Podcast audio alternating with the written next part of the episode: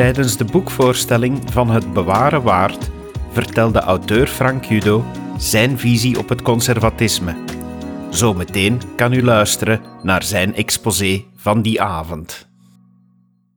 Hooggeachte vergadering, dank dat u hier bent. Dank dat wij straks van gedachten kunnen wisselen. En dank dat we ook daarna van gedachten kunnen verschillen. Ik ben onder de indruk van de areopaag die hier verzameld zit, maar zelfs met alle eruditie in deze zaal durf ik er een respectabel aantal flessen champagne om te verwedden dat niet de helft van de aanwezigen weet wie Wiel Nolens was. De Nederlanders in de zaal zijn gedisqualificeerd. Willem, ook bekend als Wiel Nolens, was een priester, lid van de Tweede Kamer en fractieleider van de Rooms-Katholieke Staatspartij, toen partijen nog wat minder trendy namen hadden, rond de vorige eeuwwisseling. En Nolens, ach, die herinnert geen hond zich nog, maar het zogenaamde taboe van Nolens is springlevend. En dat taboe verwoordde hij als volgt.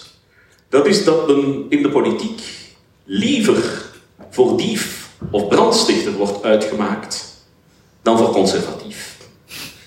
Hoe zou u zelf zijn? Die paradox is vandaag springlevend in zijn originele versie, maar ook in zijn afgeleide versie. En die afgeleide versie is het hanteren van de naam conservatief als een soort geuzennaam. Een naam die eigenlijk niemand fatsoenshalve zou willen aanvaarden, maar die men dan eigenlijk ziet als een makkelijk alibi om allerhande dingen te kunnen zeggen die men zonder die geuzennaam niet zou durven, mogen of kunnen zeggen, schrappen wat niet past. Twee spiegelbeelden dus, en het is eigen aan spiegelbeelden dat die verdomd goed op elkaar lijken. En dat ze ons in dit geval niet heel veel verder helpen in het begrijpen van wat conservatisme althans volgens mij is. Eerste, en voorzeker niet als laatste caveat, u krijgt van mij, zelfs niet op het einde van de receptie, geen definitie van conservatisme. Ik ben er ten diepste van overtuigd dat het conservatisme een veelstromenland is. En onder het strenge, doch rechtvaardige toezicht van Karel is er ook voor gezorgd dat in de tekst van het boek zo weinig mogelijk over het conservatisme en zoveel mogelijk over een conservatisme wordt gesproken. Maar dat neemt niet weg dat er iets is dat ik als het conservatieve minimum zou willen omschrijven. Je kan niet gelijk wat verkopen als conservatisme. En dat conservatieve minimum is, tot spijt van wie het benijdt, hoegenaamd niet politiek van aard.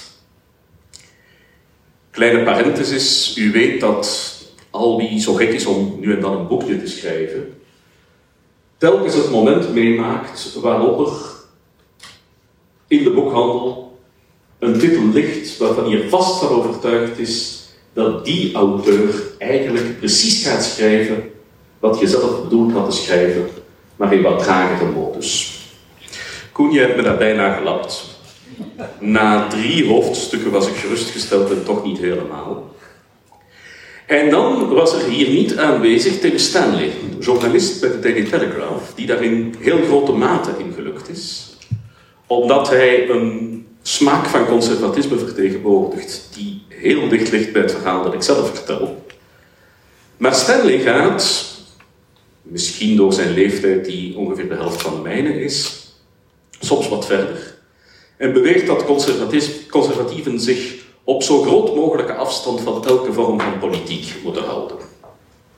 Dat is misschien een klein beetje overdreven, maar ik volg Stanley wel als hij stelt dat het conservatisme wezenlijk geen politieke stroming is. En als ik een online boekhandel zou bewaren waard in de rubriek filosofie zie liggen, dan vind ik dat eigenlijk te veel eer. Maar ben ik heel blij dat het niet in de rubriek politiek is terechtgekomen, want dat zou getuigen van het niet lezen van het boek, wat allicht ook een realistische hypothese is vanwege de mensen die online boekhandels moeten ordenen. We moeten een beetje menselijk blijven. Maar goed, wat is er dan? Wat is dan dat conservatieve minimum? Dat is volgens mij een antropologische en een epistemologische intuïtie. Een antropologische intuïtie. Wat is de mens? Dames en heren, de goede wilde bestaat niet. Hij is namelijk niet goed. De goede beschaafde trouwens evenmin. De mens is, ach, niet slecht. We hoeven daar niet, we hoeven niet in, een, in tranen uit te barsten. Maar trots zijn op concrete mensen is misschien een beetje bij de haren getrokken. Laat ons daar het realisme in hanteren. Laat ons beseffen hoeveel stommiteiten mensen kunnen begaan.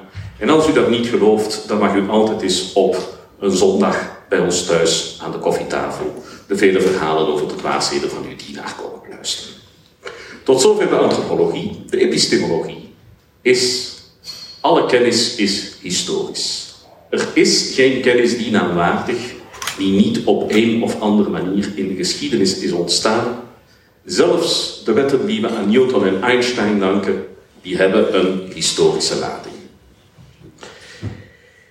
Die twee uitgangspunten moeten ons bewaren voor een aantal misvattingen over wat conservatisme is. En de eerste misvatting is mijn zinziens de conservatieve bijziendheid. De tendens om conservatisme te beschouwen als de verdedigingsroute tegen wat we, of voor wat we zelf als kind hebben meegemaakt, of in het beste geval wat voor onze ouders of grootouders belangrijk was. Ik kan me ergeren aan conservatieven die beweren dat conservatisme gaat over de lange termijn, de eeuwigheid. En die dat ook, wanneer ze naar de toekomst kijken, met veel aplomb verdedigen. En van wie het historische perspectief 60, in het beste geval 100 jaar verrijkt. Wie ver vooruit wil kijken, moet ook durven ver achteruit te kijken. Een andere verleiding is de negatieve definitie van conservatisme. Wat is conservatief? Ha, dat is al wat niet progressief is. Dat is een heel makkelijke, wat polemische discussie.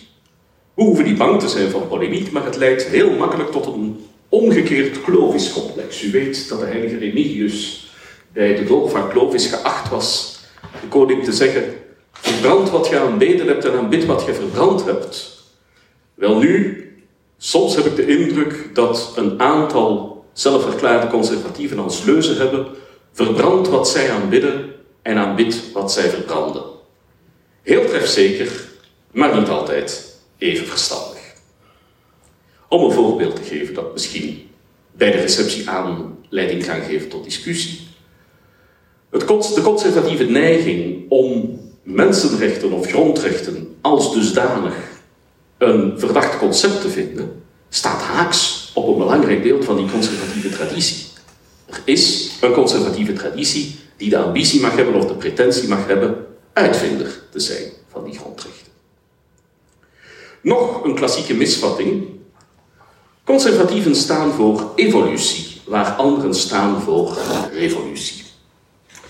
Een van de voorwaarden om gebruik te mogen maken van deze aula was voldoende Duitse auteurs te citeren, want anders zou Dirk dus ons sleutels voor dit lokaal hebben.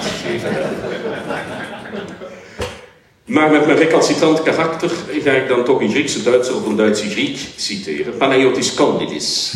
Als u eens heel veel tijd nodig hebt, want Kondidis is geen specialist in de beschenking, dan moet u absoluut zijn boek over conservatisme in de 19e en 20e eeuw lezen, waar hij met een cynisme, geen enkele betere zaak waardig, de vloer aanveegt met de conservatieven van het type evolutie in plaats van revolutie en ze uitmaakt voor traagdenkende liberalen of progressieven. Ze willen eigenlijk identiek hetzelfde als hun tegenstrevers, alleen een beetje later, met een langere aanpassingsperiode. Maar inhoudelijk is er geen verschil. Verwant daarbij, daarmee is de mythe, of nee, de feitelijk correcte, maar inhoudelijk niet heel relevante vaststelling, dat we het verleden niet ongedaan kunnen maken en de tijd niet kunnen terugdraaien. Zoals de meeste lapalissaden kunnen we daar niet heel veel mee aanvangen. Denk u in dat u, wat mij wel vaker overkomt, dat u in het naar Antwerpen rijden zo aandachtig naar de radio aan het luisteren was, of op het verkeer aan het letten was, of over een compleet irrelevant onderwerp aan het nadenken was, dat u de afrit miste. Als u meent dat het verleden niet ongedaan kan worden gemaakt, dan rijdt u toch gewoon voort naar. Daar is misschien een leuk feestje aan de gang. Dat zou misschien wel leuker zijn dan dit. Als u meent dat het over evolutie in plaats van revolutie gaat, dan rijdt u ook naar Breda, maar trager. U zal minder benzine verbruiken, maar de kans dat het feestje voorbij is, is relatief groot. Als u conservatief bent, leert u uit uw fouten, slaat u zich bij voorkeur symbolisch voor het hoofd over zoveel eigendomheid, leert u voor de volgende keer, zorgt u dat u dan wel uw GPS met een iets of wat dwingende stem aanzet en zorgt u dat het nooit meer gebeurt, wel wetende dat het nog vaak zal gebeuren. Met andere woorden, wat ik probeer in dit boekje naar voren te brengen is een pleidooi voor het authentiek conservatisme. Dat zich definieert op basis van conservatieve waarden en niet op basis van wat het niet is. Dat zich dus immuun heeft gemaakt. Hoe komt het toch dat we dat woord de laatste tijd vaker gebruiken dan vroeger? Voor het chameleongedrag, of het omgekeerde chameleongedrag van zoveel conservatieven, die de eigen levensbeschouwing probeerden in te vullen door de negatie van wat hun tegenstreven was, of door kopieergedrag van tijdelijke bondgenoten. Authentiek en niet chameleontisch, evenwichtig en niet geïnspireerd door al te veel brani, gericht op de lange termijn en niet op de eigen levensperiode. Bewust van de eigen relativiteit, maar ook bewust van de vele vormen van continuïteit die nog altijd het bewaren waard zijn. Daar is mijn zinziens ruimte voor een authentiek conservatisme.